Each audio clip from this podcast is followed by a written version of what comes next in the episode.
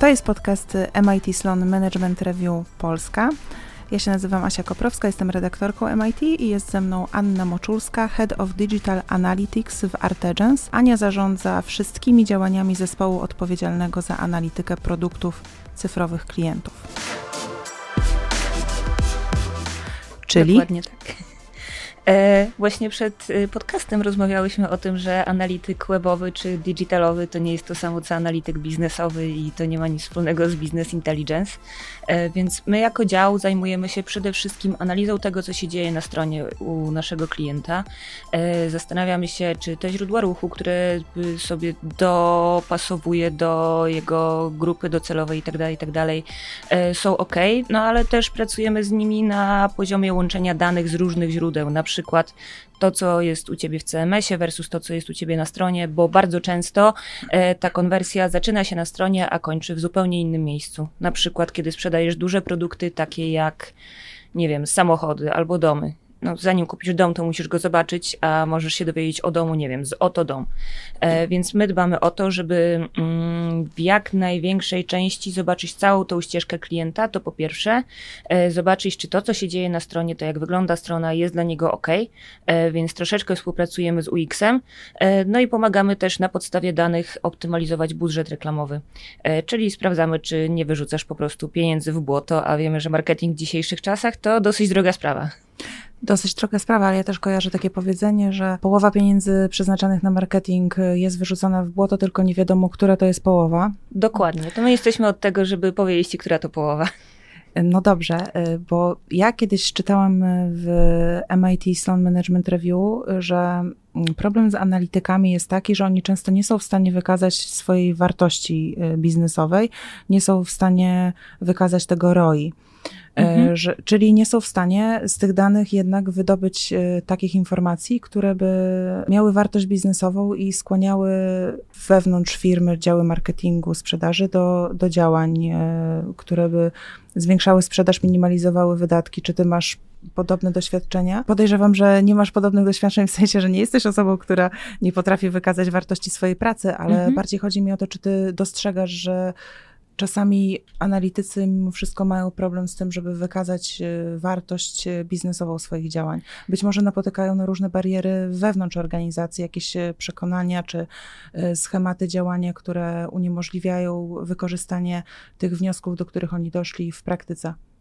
Wiesz co, y, myślę, że problem leży troszeczkę gdzie indziej, bo faktycznie my mamy z tym mega problemy, no bo to nie jest tak, że y, ktoś wyda 50 tysięcy na analitykę, a potem okaże się, że ma z tego 15 tysięcy lidów. Nasz problem polega na tym, że my zaczynamy od całego wdrożenia analityki, od całego trackingu i to jest sprawa, która po pierwsze ciągnie się najdłużej, a po drugie jest najdroższa, bo musimy zaangażować i zespół analityków, którzy zobaczą, przeanalizują, co się dzieje na stronie, wymyślą cały tracking koncept, czyli taki dokument mówiący o tym, co będziemy trakować.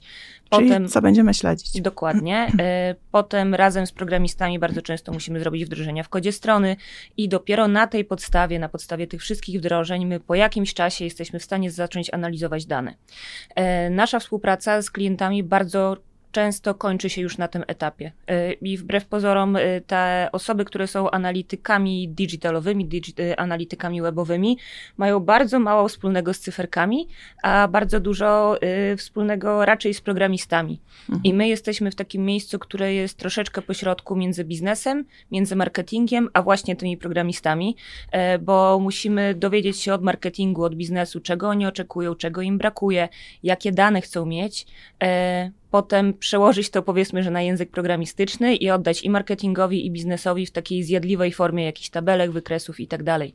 E, więc to jest taka praca, którą której wartość jest ciężko wymierzyć, bo tak naprawdę my dbamy o to, żeby dostarczyć ci dane, a bardzo często ty odpowiadasz za to, żeby te dane sobie zanalizować. Ewentualnie my możemy ci w tym pomóc, ale no właśnie, rzadko mamy taką sytuację, gdzie odpowiedź jest mega prosta. Ok, w momencie, kiedy na podstawie danych stwierdzamy, że ej, ten formularz kontaktowy słabo wam konwertuje, słabo konwertuje, bo w danych widzimy, że w tym i tym miejscu użytkownicy nie wiedzą, jak uzupełnić formularz, zróbmy testy AB, poprawmy formularz w taki i taki sposób. Tutaj już działamy bardzo często z UX-owcami, którzy robią jakieś rekomendacje, my przeprowadzamy test AB i mówimy, że dobra, dzięki naszym działaniom konwersja poprawiła się na przykład na tym kroku formularza o 10-15%.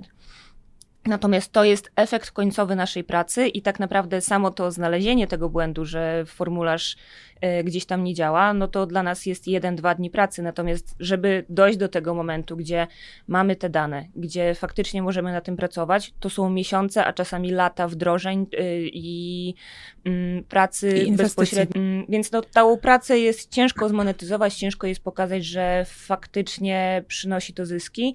E, natomiast w dzisiejszych czasach to jest po prostu niezbędne, ze względu na to, że my też nie dbamy tylko i wyłącznie o zbieranie danych takich, które my jako biznes, jako marketing potem analizujemy, ale też y, dbamy bardzo często o to, żeby mm, zrobić takie wdrożenie, na których wszystkie automaty, a w tym momencie większość kampanii to są kampanie automatyczne oparte o AI, no my musimy dostarczyć im tych danych, więc bardzo często też odpowiadamy za to, żeby te roboty, żeby ten AI miał się czym karmić. To brzmi jak takie spore przedsięwzięcie, bardzo drogie przedsięwzięcie zarezerwowane tylko dla wielkich firm, a wiadomo, że te mniejsze firmy też by chciały korzystać z danych i czerpać z nich e, jakieś e, biznesowe benefity. Czy ty zauważasz jakieś takie znaczące różnice między. Rozumiem, że czy, czy ta analityka digitalowa jest zarezerwowana tylko dla dużych graczy, bo to brzmi tak y, dosyć drogo. E, faktycznie jest drogo. E, natomiast to nie jest jakaś wiedza tajemna, która jest zarezerwowana tylko dla największych.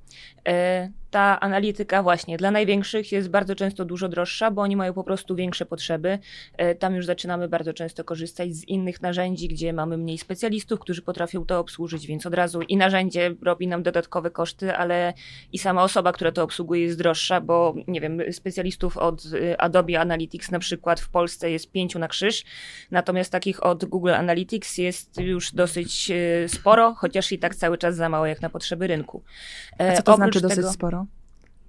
Co to znaczy dosyć sporo? E, wiesz co, ciężko im powiedzieć, ilu mamy w tym momencie Aha. analityków na rynku, e, natomiast widać to po ofertach Na pewno pracy. za mało, na pewno za mało. Tak, e, no ja ostatnio jak szukałam analityka i szukałam kogoś sensownego, no to rekrutacja trwała trzy miesiące, no mhm. no bo, bo jest bardzo dużo juniorów. Jakby mamy ten moment, który mm, mieliśmy jakiś czas temu w, w ogóle branży IT i do tej pory go mamy, czyli branża szybko się rozwija. Ja jak 5-6 lat temu wchodziłam w analitykę, no to naprawdę były 3-4 osoby na krzyż w Polsce mm, i jak mój ówczesny szef mówił swoim kolegom z branży, że ej, bo ja stawiam dział analityczny, to oni się pukali w głowę i mówili, że komu ty to będziesz sprzedawał. E, no i jest 5 lat później, każdy potrzebuje analityki, tak nam się zadziało w życiu i w rozwoju digitalu. E, no i tych specjalistów jeszcze cały czas jest za mało. E, w tym sensie, że mamy bardzo dużo juniorów, ale doświadczonych analityków na rynku jest mało, plus oni są bardzo często po prostu podbierani przez Zachód, no bo COVID też sprawił to, że no, praca zdalna nie jest żadnym problemem, prawda? Mhm. Czyli mm, mamy ich za mało, a rozumiem, że milej widziani w organizacjach są, milej widziani w organizacjach są analitycy bardziej doświadczeni niż juniorzy, mhm. mimo że za tych bardziej doświadczonych trzeba y, słono płacić. Mhm. Na co narzekają przedsiębiorcy, bo nie dość, że jest trudno znaleźć doświadczonego, kompetentnego analityka, to jeszcze trzeba mu y, bardzo, bardzo dużo płacić. Mm, wiesz co, y, myślę, że w momencie, kiedy jesteśmy dużym przedsiębiorstwem, to te koszta prowadzenia analityki w takim ogólnym rozliczeniu naprawdę nie są aż tak duże, chociaż nie ukrywam, że no, analitycy, są, analitycy są drodzy. E, natomiast te osoby, które prowadzą mniejsze przedsiębiorstwa, mają też mniejsze potrzeby, więc mogą na spokojnie skorzystać z pomocy juniora, z pomocy MIDA. E, plus bardzo często, szczególnie w takiej branży e-commerce'owej na przykład, e, te rozwiązania są bardzo powtarzalne, więc mniejsi przedsiębiorcy bardzo często mogą po prostu skorzystać z gotowych rozwiązań, które są dostępne na rynku e, i poprosić tylko o jedno wdrożenie analityka, zamiast mieć go na przykład cały czas na pokładzie. Mm, dodatkowo bardzo często, no praktycznie każdy z nas, y, który prowadzi biznes w internecie, pracuje z jakąś agencją marketingową. Mm, szczególnie jeśli są to agencje SEO-SEM, no to praktycznie każda już ma na pokładzie takiego analityka, więc z pomocy takiej osoby po prostu można skorzystać bardzo często w, że tak powiem, pakiecie prowadzonych już działań. Mhm. Czyli mm, to, a taki mm, analityk digitalowy, nie danych, mhm. y, ile zarabia? E, wiesz co, to zależy, bo bo dane, są... bo dane w internecie są e, różne, mhm. nawet nie takie spektakularne, jak myślałam, że będą, e, bo ja się natknęłam na informację, że około 9 tysięcy brutto miesięcznie to jest mediana. Mhm. Ale czy ty to potwierdzisz? Bo jaka, jak przychodzi analityk na rozmowę kwalifikacyjną, mhm. to ile może prosić i ile warto mu dać, e, jeśli efekty jego pracy będą spektakularne. Okej. Okay. E, wiesz co, to bardzo często zależy, dlatego że no, my zanim stajemy się analitykami, to musimy troszeczkę posiąść jeszcze takiej wiedzy o Wixie, o marketingu e, i bardzo często osoby, które przychodzą jako juniorzy, a mają już właśnie wiedzę o marketingu, o Wixie, my jesteśmy w stanie ich wtedy douczyć tej analityki, bo już mają taką absolutną podstawę. No i jeśli przychodzi do nas ktoś na, że tak powiem, czysto, to musimy go nauczyć wszystkiego. E, w związku z czym no, taka osoba w zależności od tego, gdzie pracuje w miejscu Polski, bo oczywiście lokalizacja cały czas niestety w naszym kraju się jeszcze liczy, e, myślę, że może na spokojnie liczyć na wypłatę tak od 3,5 tysiąca, natomiast jeśli właśnie już siedziała w marketingu, jeśli siedziała w UX-ie, to jest w stanie poprosić o więcej. Mm, natomiast no, y, taka osoba, która jest już nawet nie seniorem, tylko takim mega ekspertem, myślę, że może wyciągnąć wyciągnąć na rękę y, do 40-50 tysięcy miesięcznie. E, natomiast to są też bardzo często osoby, które po prostu pracują na swojej własnej działalności, na freelancie i rozliczamy się z nimi po prostu godzinowo. To jest bardzo, bardzo dużo pieniędzy. To prawda, ale to też jest bardzo, bardzo duża odpowiedzialność. Bardzo no. duża odpowiedzialność, ale też y, duże kompetencje. I o tych kompetencjach chciałam powiedzieć, jak rozpoznać takiego rasowego analityka digitalowego, który uczyni cuda i mhm. wyciągnie jakieś cudowne wnioski z danych, albo dostarczy dane, z których my będziemy w stanie wyciągnąć te wnioski. Mhm. Bo ten dobry analityk digitalowy, jeśli Ciebie dobrze zrozumiałam, nie tyle skupia się na wyciąganiu wniosków z danych, tylko na ich odpowiednim pozyskaniu. E, wiesz co, bywa różnie e, i to też zależy od tego, jak, e, że tak powiem, wysetapuje się agencja czy firma, z którą pracujesz. Dlatego, że są takie agencje, gdzie analitycy są 360, czyli i analizują dane, i robią wdrożenia, i rozmawiają z biznesem, i potem robią testy AB, i jeszcze na przykład pomagają UX-owi. A są takie agencje, które postanawiają po prostu się specjalizować, czyli mamy oddzielny dział, który odpowiada za wdrożenia, czyli taki e, bardzo techniczny marketing i e, oni pracują głównie z programistami, a oddzielny dział zajmuje się tylko i wyłącznie analizą danych. Także bywa różnie. To zależy od tego, tak naprawdę, którą my chcemy stronę pójść, bo możliwości jest sporo. E, natomiast dla mnie taki idealny analityk to jest ktoś, kto z jednej strony potrafi dogadać się z biznesem, i poznać jego potrzeby, a z drugiej strony potrafi dogadać się z programistami e, i dopilnować dobrego technicznego wdrożenia.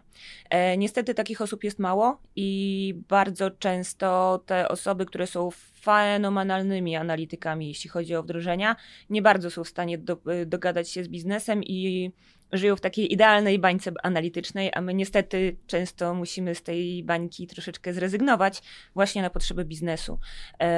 No i wtedy to jest super istotne, żeby mieć pomiędzy biznesem a tym analitykiem kogoś, kto będzie powiedzmy, że pełnił rolę tłumacza, nie? Mhm. Czyli mm, z jednej strony coś tam troszeczkę podciągnie od biznesu więcej niż by chciał, a z drugiej strony wytłumaczy analitykowi, że nie no stary, nie możemy robić przez pół roku tego wdrożenia, bo jakby musimy mieć efekty na zaraz.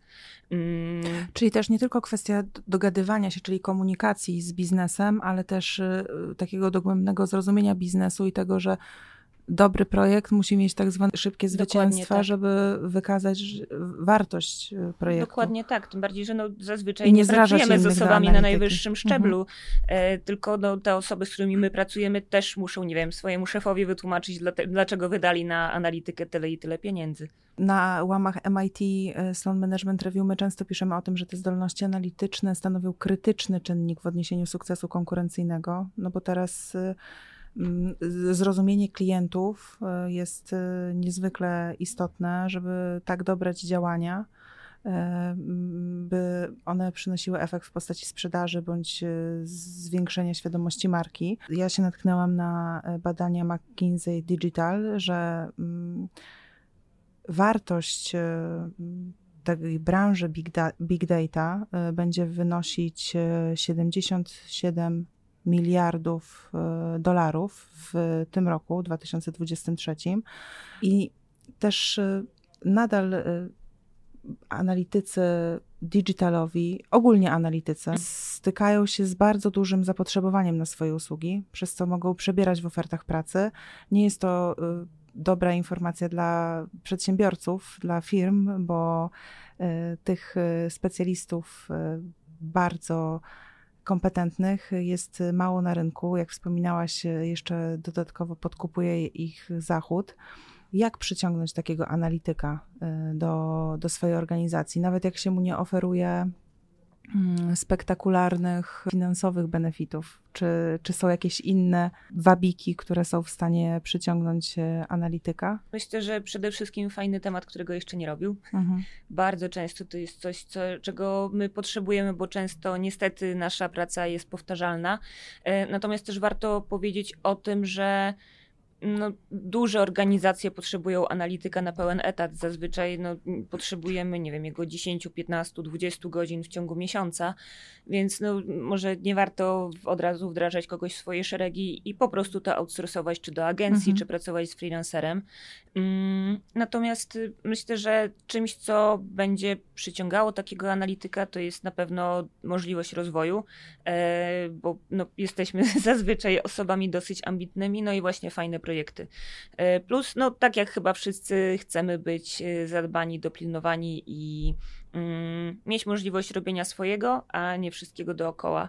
A niestety często się zdarza tak, że jeśli analityk jest za, za, mm, zatrudniany in-house'owo, to dodatkowo robi jeszcze 15 tysięcy innych rzeczy, z czego nie jest za mocno zadowolony. O tak. Mhm.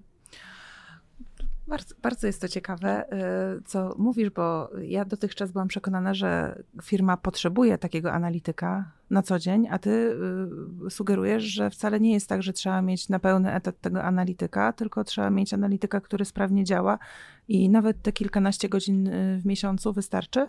Tak, myślę, że na spokojnie. To jest też kwestia tego, jakie my mamy potrzeby, bo um, zależy to od tego, w jaki sposób mamy w ogóle zbudowaną e, naszą organizację. Kto za te dane odpowiada? No bo zawsze po stronie organizacji musi być ktoś, kto za to odpowiada, natomiast to może być e-commerce manager, to może być marketingowiec główny, który po prostu będzie tym wszystkim zarządzał. E, no i bardzo często takie osoby po prostu radzą sobie same, bo takie podstawowe kompetencje analityczne, one po prostu muszą mieć. Mm, I chociaż troszeczkę muszą wiedzieć o tym, w jaki sposób e, działają narzędzia do agregacji danych o ruchu, a oprócz tego bardzo często po prostu z tych danych korzystają zewnętrzne agencje, z którymi pracujemy, takie, które nam prowadzą Google Ads, które prowadzą nam Facebooka, które prowadzą nam jakiekolwiek po prostu działania marketingowe w internecie. Mm, więc bardzo często ten analityk na co dzień nie jest nam potrzebny. Można go na przykład poprosić o analizę jakiejś tam kampanii, można go ad hocowo poprosić o sprawdzenie, ej, a zobacz na danych, czy mm, moja strona mm, dobrze konwertuje i na przykład przeprowadzić po prostu e, taki audyt, który nazywa się e, audytem CRO, czyli Conversion Rate Optimization. To jest wtedy. Mm, po prostu oparte o pracę analityka, który wyciąga dane, wyciąga słabe punkty i takie pain pointy w Twoim serwisie, a potem do tego przychodzi praca UX-owca, który mówi, że dobra, możemy to naprawić w taki i taki sposób. Nie musimy mieć tego analityka na co dzień. To zależy od tego, jakie mamy potrzeby. Wydaje mi się, że te potrzeby mogą wzrastać z dnia na dzień, bo y, wspominałam o tym raporcie McKinsey'a Digital, mm, o tym, że mm, znaczy, wspominałam o tym, jak e, wartość e, branży big data rośnie, ale w tym raporcie też jest informacja o tym, że 90% danych dostępnych obecnie zostało wyprodukowanych w ciągu dwóch czy trzech ostatnich lat. Można powiedzieć, że analitycy dobrze wykonują swoją pracę, tę taką u podstaw, bo dobrze pozyskują dane, tak? I budują te mechanizmy mhm. pozyskiwania danych. E, wiesz, jeszcze big data to jest troszeczkę inny temat niż e, analityka digitalowa, bo to są właśnie ludzie, którzy pracują na bardzo dużych zespołach danych. E, bardzo często pracują już z AI-em, żeby wyciągać jakby wnioski z tych danych, więc to jest jeszcze oddzielny temat. Oni pracują w bazach danych, a my bardzo często dostarczamy im dane do tych baz. O tak. Mm, natomiast no, w tym momencie idziemy w taką stronę, gdzie niestety no, już najmniejsi muszą zacząć pracować na tych bazach danych w większym czy mniejszym, e, czy mniejszym stopniu na data, na data warehouse'ach, ze względu na to, jakie ograniczenia niosą za sobą te narzędzia, które do tej pory były darmowe. No i niestety kończy się era y, darmowej analityki, którą mieliśmy przez ostatnie 15 lat. Możesz y, to wyjaśnić, co to znaczy darmowa analityka? E, bo, roz, bo rozumiem, że wszyscy mieliśmy dostęp do Google Analytics, mhm. tak? Mogliśmy sobie tam tą taką nieco prymitywną śledzić mhm. E, jakieś podstawowe parametry. E, teraz nie będziemy mieli takiej możliwości, bo jest Google Analytics, era Google Analytics 4, tak? E, wiesz co, Google Analytics 4 cały czas jest dostępny i on jest cały czas darmowy, mhm. natomiast tam mamy bardzo duże próbkowanie danych, czyli nie widzimy całego wycinka danych całej, wszystkich danych, które są w naszym, y, wszystkich danych o ruchu w naszym serwisie, ok, udało mi się wypowiedzieć. Um, natomiast bardzo często widzimy po prostu jakiś konkretny wycinek. To bardzo często wynika z ograniczeń GDPR-owych, a może też wynikać z tego, że po prostu te dane jest ciężko wyciągnąć. E, no i oprócz tego, jakby już w tym momencie marketingowo dostajemy tyle sygnałów z różnych stron, że samo korzystanie z Analyticsa to jest bardzo często za mało, więc trzeba sobie wyciągnąć takie dane z Analyticsa e, do bazy danych, na przykład BigQuery i do tego już bezpośrednio bezpośrednio w BigQuery, czyli w bazie danych, już właśnie tutaj wchodzi Big Data, zacząć łączyć te dane z danymi na przykład z Facebooka o sprzedaży, z danymi z Google Adsa, z naszego CRM-u, e, z naszego DMP, etc., etc., żeby faktycznie można było wyciągnąć jakieś wartościowe wnioski, niż samo to, w jaki sposób na przykład użytkownik przechodzi ścieżkę po Twoim serwisie, bo ci użytkownicy też się zmieniają, ich potrzeby się zmieniają. E, ci użytkownicy, którzy są w internecie, powiedzmy, że już są troszeczkę mądrzejsi, bo wiedzą, jak szukać konkurencji, wiedzą, jak szukać najlepszych ofert i tak dalej, i tak dalej. No i przez to, że mamy taki, nie chciałabym użyć słowa przesyt, ale dostatek na rynku, o tak, mm, no to oni bardzo mocno wybrzydzają, w związku z czym musimy dbać o to, żeby oni po pierwsze byli zadowoleni, a z drugiej strony musimy dbać o nasz budżet marketingowy, no bo reklama w internecie jest coraz droższa. Chyba nie do końca chyba to rozumiem. e, czyli mówisz o tym po prostu, żeby śledzić różne kanały, tak?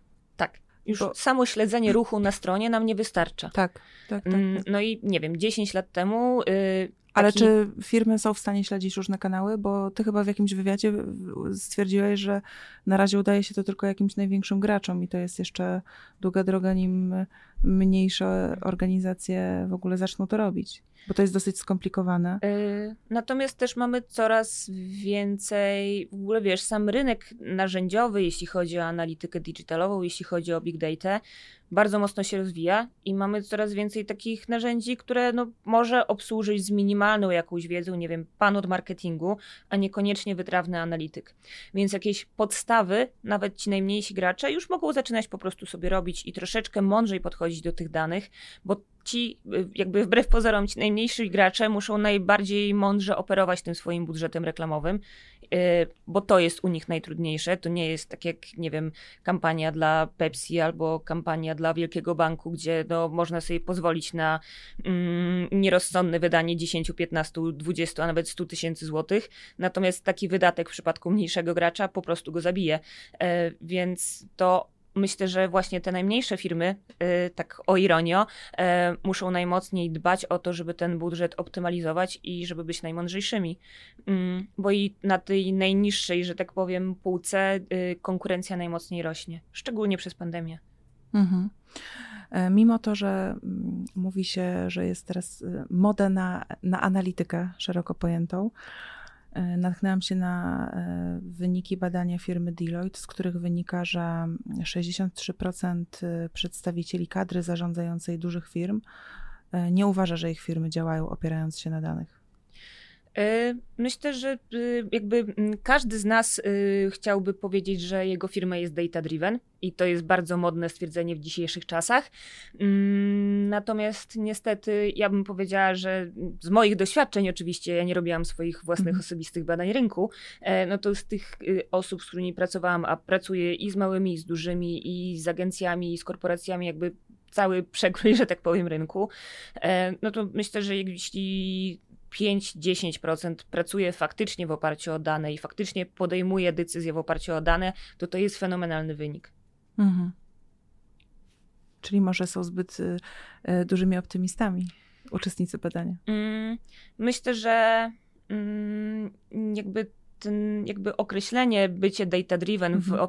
podejmowanie decyzji w oparciu o dane, to jest taki termin, który nie jest do końca dobrze rozumiany mhm. e, i ludzie, szczególnie tacy, którzy pracowali w, na takim poziomie BTL-u, pracowali na poziomie właśnie takiego miękkiego marketingu. myślę, że właśnie jak mają na przykład Analyticsa i do niego zaglądają raz w tygodniu, to to już jest praca w oparciu o dane i podejmowanie decyzji w oparciu o dane. No, to jest stwierdzenie co najmniej mylne. No dobrze, no to wyjaśnijmy to, co to znaczy podejmowanie decyzji w, e, w oparciu na danych. No Kiedy właśnie, możemy powiedzieć, że jesteśmy organizacją data-driven? E, no i właśnie tutaj wchodzi, e, myślę, że praca Musimy mieć analityka big datowców. Nie, można go sobie outsourcować. Mm, tutaj już wchodzi praca właśnie z, big datowcami, z specjalistami, którzy zajmują się tylko i wyłącznie optymalizacją budżetu reklamowego. E, musimy rozumieć, co to jest lejek zakupowy i jak działa. E, jakiekolwiek zmiany, które robimy na stronie, no nie powinny być oparte o to, że pani Krysi, nie wiem, z UX-u albo z designu podobał się ten, ten i ten banner, tylko właśnie w oparciu o dane, czyli testy AB i tak dalej, i tak dalej, decydujemy, że ten banner jest lepszy niż ten.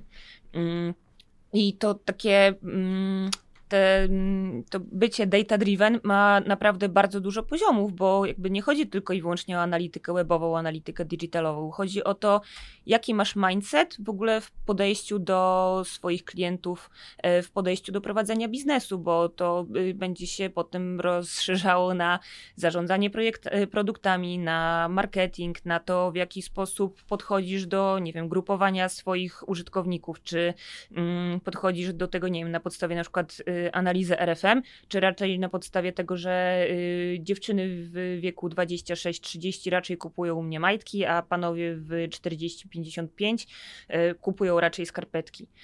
No i to jest y, wiedza użyteczna? Można ją zmonetyzować? Myślę, że w dzisiejszych czasach to jest mega trudna sprawa, dlatego że tak naprawdę praktycznie wszystkie kampanie, które prowadzimy, prowadzimy w oparciu o AI. Mhm. I to już nie jest tak, że ustawiamy sobie jakieś targetowanie na y, jakąś konkretną grupę docelową i tak dalej, bo to jest po prostu mało efektywne właśnie w porównaniu z takimi kampaniami, które są oparte o AI i są, no właśnie, data-driven.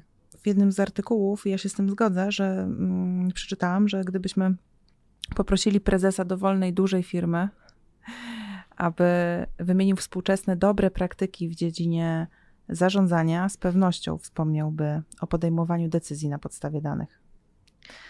Pewnie Ale tak. z badań, które my jakiś czas temu publikowaliśmy, mm, wynika, że przedsiębiorstwa mają dziś oczywiście więcej danych niż kiedykolwiek wcześniej, ale wielu menadżerów wyższego szczebla twierdzi, że informacje, jakie e, otrzymują w wyniku ich analizy, nie da się wykorzystać do działania lub ogólnie są rozczarowujące. Mm, no i właśnie teraz pytanie brzmi, co to są za dane, bo nie chodzi o to, żeby danych mieć dużo. Chodzi o to, żeby mieć dane, które są dobrej jakości.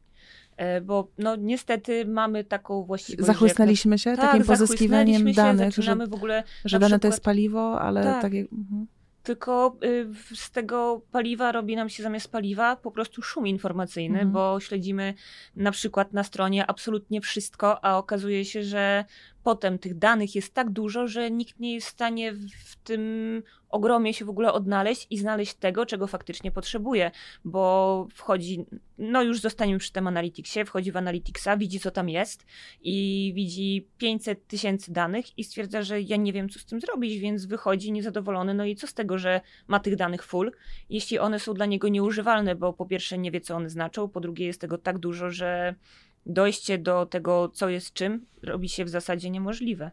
Ale czy to też nie wynika z tego, że może w ogóle w firmach brakuje, za, brakuje tej kompetencji takiego analitycznego myślenia? E, wśród pracowników. Sam analityk, e, nawet jak odrobi swoje zadanie dobrze, no nie zawsze może mieć jakiś wkład w, w decyzję, jeśli po drugiej stronie nie ma osoby, która rozumie wartość e, tych danych, które on przygotował. Mm, tak, i ja uważam, że jednym z naszych mega ważnych zadań i mega ważnych, powiedzmy, że misji jako, e, jako zawodu e, jest edukacja. No, ja prowadzę bardzo dużo szkoleń, czy właśnie dla naszych klientów Artegens, z którymi pracujemy na co dzień, czy po prostu jako jakieś swoje dodatkowe działania, bo ja się po prostu lubię powymądrzeć przemądrzeć. I dla mnie to jest mega istotne, żeby ta osoba, która potem będzie korzystała z mojego wdrożenia, czy z wdrożenia, które zrobiliśmy jako zespół Artigens, faktycznie wiedziała, co z tym potem zrobić. Więc spotykamy się na przykład na dzień, ja im to tłumaczę, robimy razem różne ćwiczenia i tak dalej. I dla mnie wtedy wdrożenie jest udane, kiedy faktycznie ktoś z niego korzysta, a nie kiedy ktoś wydał pieniądze, a potem przez pół roku nie dane. wchodzi w Analyticsa. Albo pozyskał dane i one sobie leżą i czekają, jak ktoś je kiedyś wykorzysta. Wiem, jak jest.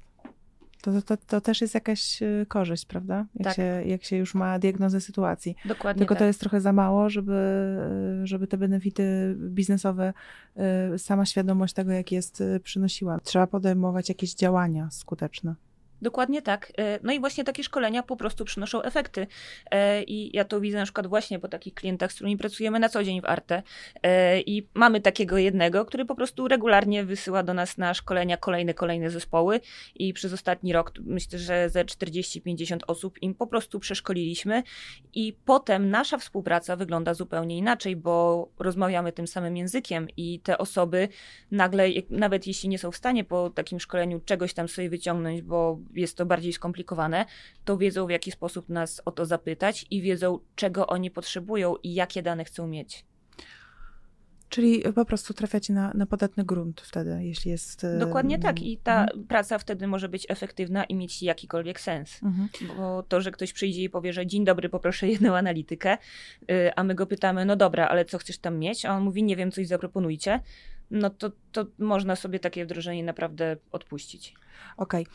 A powiedz, bo wspominałaś o tym, że bardzo ważna jest ta mm, dwutorowa komunikacja e, analityka e, digitalowego. Z jednej strony z programistami, z drugiej strony z biznesem. Jakie są różnice w tej komunikacji? Bo to jest zawsze interesujące, ponieważ przedstawiciele wielu zawodów muszą się komunikować dwutorowo. Mhm. E, I często problem stanowi takie zaprezentowanie informacji, w których posiadaniu się jest, żeby biznes je zrozumiał i wykorzystał. Mhm.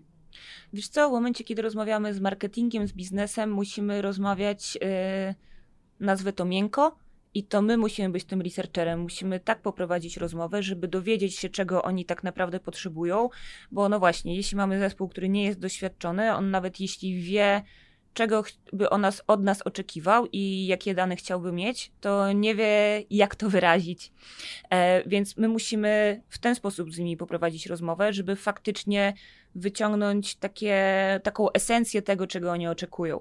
E, a z drugiej strony, mm, praca z programistami to jest praca zupełnie innym językiem, bo to są osoby, które są mega literalne. Jak my przygotowujemy dokumentację, którą oni potem mają wdrożyć na stronie, to musimy mega, mega ważyć się ze słowami, bo no, mm, nie zawsze i nie mówię, że za każdym razem tak jest.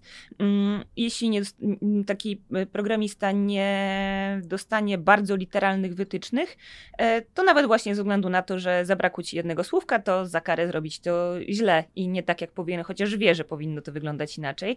Więc no, y, zdarzają się takie złośliwości, tym bardziej, że dla programistów bardzo często te nasze wdrożenia powiedzmy, że nie są za bardzo interesujące.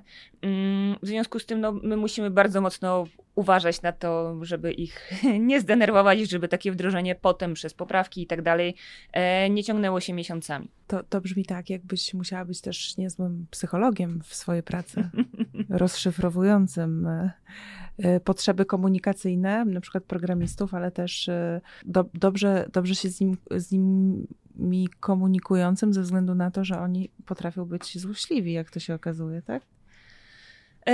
Myślę, że takie w ogóle kompetencje interpersonalne są bardzo spoko. E, natomiast to też nie oznacza, że jeśli takich e, kompetencji interpersonalnych nie masz, to będziesz złym analitykiem. E, na przykład w, w naszej agencji my to organizujemy tak, że to ja jestem odpowiedzialna za rozmowy z biznesem i moi analitycy, z czego są bardzo zadowoleni, są po prostu odrobienia roboty, bo mhm. oni nie lubią gadać z biznesem, oni nie chcą tego robić, a jakby ja za nich odwalam tą powiedzmy, że czarną robotę, e, robię briefingi i tak dalej, i tak dalej, a potem oni już mogą zająć się tym, co faktycznie lubią. Ale, czy, ale rozumiem, że idealny analityk e, potrafi jednak e, komunikować się zarówno z tą częścią programistyczną, jak i z biznesem. Zdecydowanie. I to powinien być jakiś element ścieżki rozwoju analityka, e, by nauczył się komunikować z biznesem. Tak. Okay. Z biznesem, z marketingiem. Czyli y, jakbyś miała scharakteryzować idealnego analityka, którego powinniśmy zatrudnić, y, by wsparł nas w pozyskiwaniu danych z różnych kanałów y, o naszych klientach, to, to czego powinniśmy w nim szukać? Mm, to powinna być, jeśli chodzi o kompetencje, osoba, która rozumie marketing, internetowy, ale nie tylko. A co to znaczy rozumieć marketing internetowy? E, to znaczy, że przynajmniej wie, jakie źródła do czego prowadzą i po co mhm. my w ogóle robimy te działania i dlaczego wyniki, nie wiem, z organicznego Facebooka będą wyglądały inaczej niż wyniki z remarketingu, bo jeśli ona tego nie rozumie, to powie nam, że nie wiem, Facebook nie sprzedaje, a potem okazuje się, że sprzedaje tylko na zupełnie innym poziomie, bo to są działania, które na przykład są świadomościowe, a remarketing zupełnie inaczej oceniamy, jeśli chodzi o jego efektywność. E, więc musi mieć taką absolutnie minimalną wiedzę o tym, w jaki sposób działa marketing, do czego wykorzystuje się poszczególne typy źródeł ruchu. Mm, potem przychodzi jeszcze ta część y, UX-owa, no bo bardzo często musimy rozumieć, że coś na stronie może potencjalnie nie działać. E, do tego mamy te kompetencje związane właśnie z przygotowaniem dokumentacji, potem ze sprawdzeniem na przykład w kodzie strony, czy to, co zrobili programiści jest ok, czy też nie. Mm, a oprócz tego wchodzą no właśnie te kompetencje tak jak to ładnie nazwałaś, psychologiczne, komunikacyjne, e, tak żeby być i dobrym researcherem pod kątem pozyskiwania informacji od biznesu e, i potrafić się skomunikować z programistami tym ich zupełnie innym, bardzo precyzyjnym, technicznym językiem. Dużo, dużo muszą potrafić e, ci analitycy. Rozumiem, że jak wspomniałaś, w 2023 roku będzie rosnąć zapotrzebowanie na, na analitykę digitalową, dlatego że już e, nie możemy liczyć na tę darmową analitykę. W sensie możemy, ale ona nie przyniesie nam takich korzyści. Mm, wiesz co, ym, powiedziałabym troszeczkę inaczej, dlatego że dla takich y, nas zwykłych y, zjadaczy chleba ta, y, wchodzi ta GA4, która mhm. została zostaje z nami na zawsze. I to jest narzędzie, które, mm, no właśnie, ma w sobie zawarty AI, e, więc trzeba nakarmić bestię z, jednej strony, z drugiej strony to jest narzędzie, które jest w pełni konfigurowalne e, do naszych potrzeb, więc z jednej strony super, a z drugiej strony ktoś to musi skonfigurować i ktoś to musi zrobić. E, w związku z tym, no właśnie, już na etapie wdrożenia bardzo często nie wystarczy nam, nie wiem, skorzystanie z darmowej wtyczki w WordPressie, tylko potrzebujemy kogoś, kto to narzędzie nam skonfiguruje i dopasuje do potrzeb naszego biznesu. Mm, z drugiej strony wchodzi jeszcze temat GDPR-u e, i tego, że my nie mamy prawa prawa zacząć śledzić użytkownika na stronie, dopóki on faktycznie, fizycznie nie zaakceptuje tego, że w ogóle jest śledzony. I już samo to sprawia, że nasze wdrożenie robi się trudniejsze, bo w momencie, kiedy użytkownik nie wyrazi zgody na śledzenie, to Analyticsa nie możemy wdrożyć. Więc znowu musimy tak pogadać z programistą albo skorzystać z takich rozwiązań, które już są gotowe, które nam to umożliwią.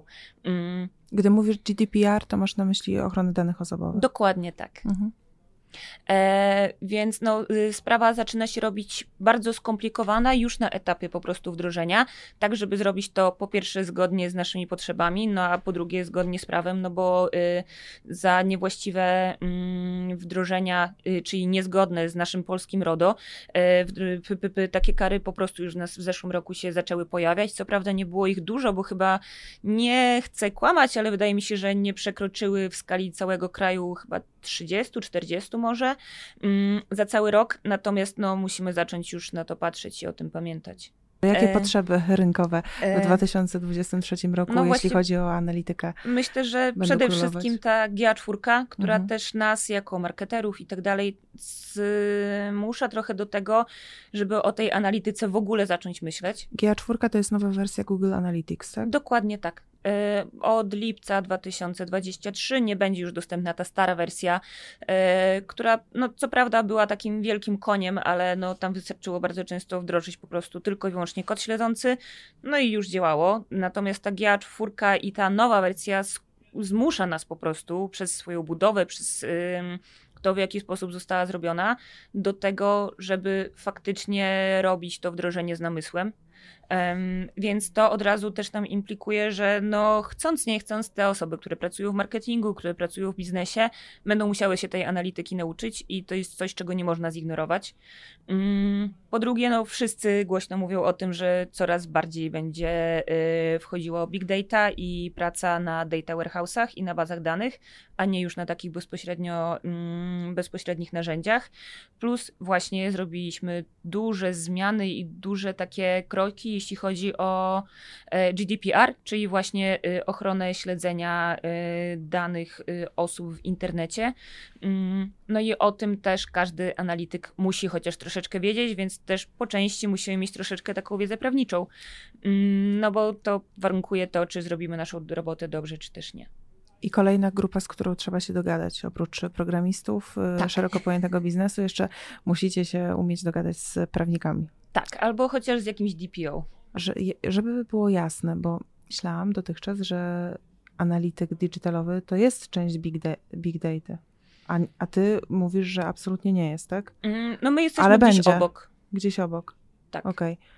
My na Ale... przykład teraz w Arte powoli zaczynamy pracować nad tym, żeby y, wdrożyć taki dział i on będzie po prostu y, gdzieś tam pod moją jurysdykcją, bo te rzeczy się ze sobą łączą mhm. i zazębiają się, ale to nie jest to samo, tak. Okay. Myślę, że lider y, przedsiębiorca, właściciel firmy, który nie jest bardzo w temacie marketingu digitalowego. Wie, że jest ważny, ale mm, nie rozróżnia może do końca tych wszystkich y, nowych y, zawodów powstających. Mhm. Też może mieć problem z rozróżnieniem tych y, funkcji różnych. Mhm. Możemy sobie o tym opowiedzieć, ten big data, business intelligence jeszcze jest, tam też są analitycy, analitycy biznesowi, do tego digital marketing i analitycy digitalowi, mhm. E, e, inaczej analitycy webowi. Mhm to jest, y, rozumiem, specjalizacja w ramach y, analityków y, digitalowych, tak? E, wiesz co, Skomplikowane my zaczęliśmy układanka. na siebie. to prawda. E, my zaczęliśmy na siebie mówić analitycy digitalowi ze względu na to, że my już nie pracujemy tylko z webem. My bardzo często pracujemy z aplikacjami, my bardzo często musimy wejść właśnie e, we wdrożenia techniczne, na przykład trackingu dla Facebooka, dla Google Adsa, dla Adforma, dla e, czegokolwiek innego, więc te jakby kompetencje troszeczkę się nam rozszerzają. No i też dlatego pojawiliśmy się jako oddzielny zawód y, w bardzo y, popularny sposób. Mm, te osoby, które y, są big datowcami, to są osoby, które pracują na bazach danych, czyli już na zebranych danych, specjalizują się w tym, żeby te dane z różnych źródeł ze sobą połączyć e, i pracują na bardzo dużych wolumenach tych danych, na tyle dużych, e, że też mają na przykład swoje własne języki, takie jak na przykład SQL, mm, na których pracują i, i, i z którymi i z którymi muszą się oswoić, e, więc działa to troszeczkę inaczej. Tam bardzo często też już zaczyna wchodzić na przykład AI e, w pomóc przy pracach na tych bazach danych, bo te, to są po prostu terabajty danych, na których pracujemy. Ale w analitykę digitalową też wchodzi AI, bo sam wspomniałeś, że ten Google Analytics 4 tak, ale w troszeczkę inny sposób okay. i inaczej go wykorzystujemy. Mm, no i właśnie, są jeszcze analitycy biznesowi, mhm. którzy pomagają nam rozwinąć nas, nasz biznes, właśnie mhm. mówiąc, że ej, a może jednak to jest moment, że wejdziecie w big data, a może teraz sobie to wdrożymy, ale oprócz tego, nie wiem, przeanalizują nam rynek, zobaczą, co robi konkurencja e, i powiedzą, w jaki sposób i w którą stronę możemy się rozwijać i, i nam w tym po prostu pomogą. Jest co robić z tymi danymi których w zatrważającym tempie przybywa. A powiedz mi, Aniu, jeszcze, czy ja dobrze rozumiem, że w takim razie analitycy digitalowi są e, przede wszystkim ekspertami od tego, żeby dane dotyczące ścieżki e, kupującego pozyskiwać i pozyskiwać i wybierać, które dane pozyskiwać? W bardzo dużej mierze tak. Okej. Okay. E, oprócz tego no my też bardzo często zajmujemy się po prostu wizualizacją tych danych e, w bardziej lub mniej skomplikowany sposób, e, tak żeby właśnie dla biznesu, dla marketingu te dane były po prostu zjadliwe. Czyli ułożenie tego w ładną tabelkę, w dobrą wizualizację, która jest przydatna i z której faktycznie można korzystać. Więc z jednej strony zebranie tych danych, a z drugiej strony danie ich biznesowi czy marketingowi w taki sposób, żeby oni faktycznie mogli z nich skorzystać. I na bieżąco mieć dostęp do tego, jak się zmieniają na przykład zachowania klientów, bo se są sezonowe zachowania klientów, które Dokładnie mogą tak. wpływać też na e, to, jak, jak powinno się przygotowywać komunikację Dokładnie marketingową tak. czy, czy sprzedażową. No dobrze, czyli wnioski z naszej rozmowy są takie, że analitycy e, digitalowi w swojej pracy się nie, nie nudzą, e, mogą przebierać w ofertach pracy. To prawda. E, czyli mają tak zwane branie, ale przede wszystkim dla firm, dla przedsiębiorców wniosek jest taki, że nie potrzebują na cały etat często analityka digitalowego, tylko potrzebują dobrego analityka digitalowego albo współpracy z agencją, która takiego eksperta im dostarczy, by mogli czerpać korzyści z danych. Dokładnie tak. No, można po prostu outsourcować, tak jak, nie wiem, programistę. I super istotna rzecz to jest to, żeby po prostu nie podchodzić do tej analityki jak pies do jeża, bo y, bardzo często y, biznes podchodzi do nas z dużą nieufnością, y, a spróbować się dogadać. I wtedy naprawdę z tych danych, które i tak zbieramy, bo musimy, bo chcemy, bo nie ma innego wyjścia, faktycznie móc zacząć korzystać. I podejmować decyzje na podstawie właściwych danych, i, a w zasadzie podejmować właściwe de decyzje na podstawie właściwych danych, bo y, to jest jest też jedna z takich bolączek, e, że e, mówi się o tym, znaczy przedsiębiorcy często narzekają, że analitycy nie potrafią generować wniosków, które pomagałyby e, w podejmowaniu trafnych decyzji biznesowych, ale z badań wynika, że to wcale nie jest wina analityków, tylko jest to wina przywódców, którzy muszą się nauczyć dbać o to, aby ta analityka bazowała na potrzebach decyzyjnych. Dokładnie bo niestety bardzo częstym problemem jest to, że mm, no my nie jesteśmy w stanie dostarczyć odpowiednich danych, jeśli nie wiemy, jakie jest pytanie, e, a biznes bardzo często tego pytania nie jest w stanie nam zadać. I z tym wnioskiem myślę, że powinniśmy zakończyć naszą rozmowę, e, żeby, e, żeby zapadło w pamięć to, żeby trzeba zadawać dobre pytania analitykom, żeby oni mogli wykazać wartość swojej pracy. Dokładnie tak. Dzięki, Aniu. Dzięki bardzo.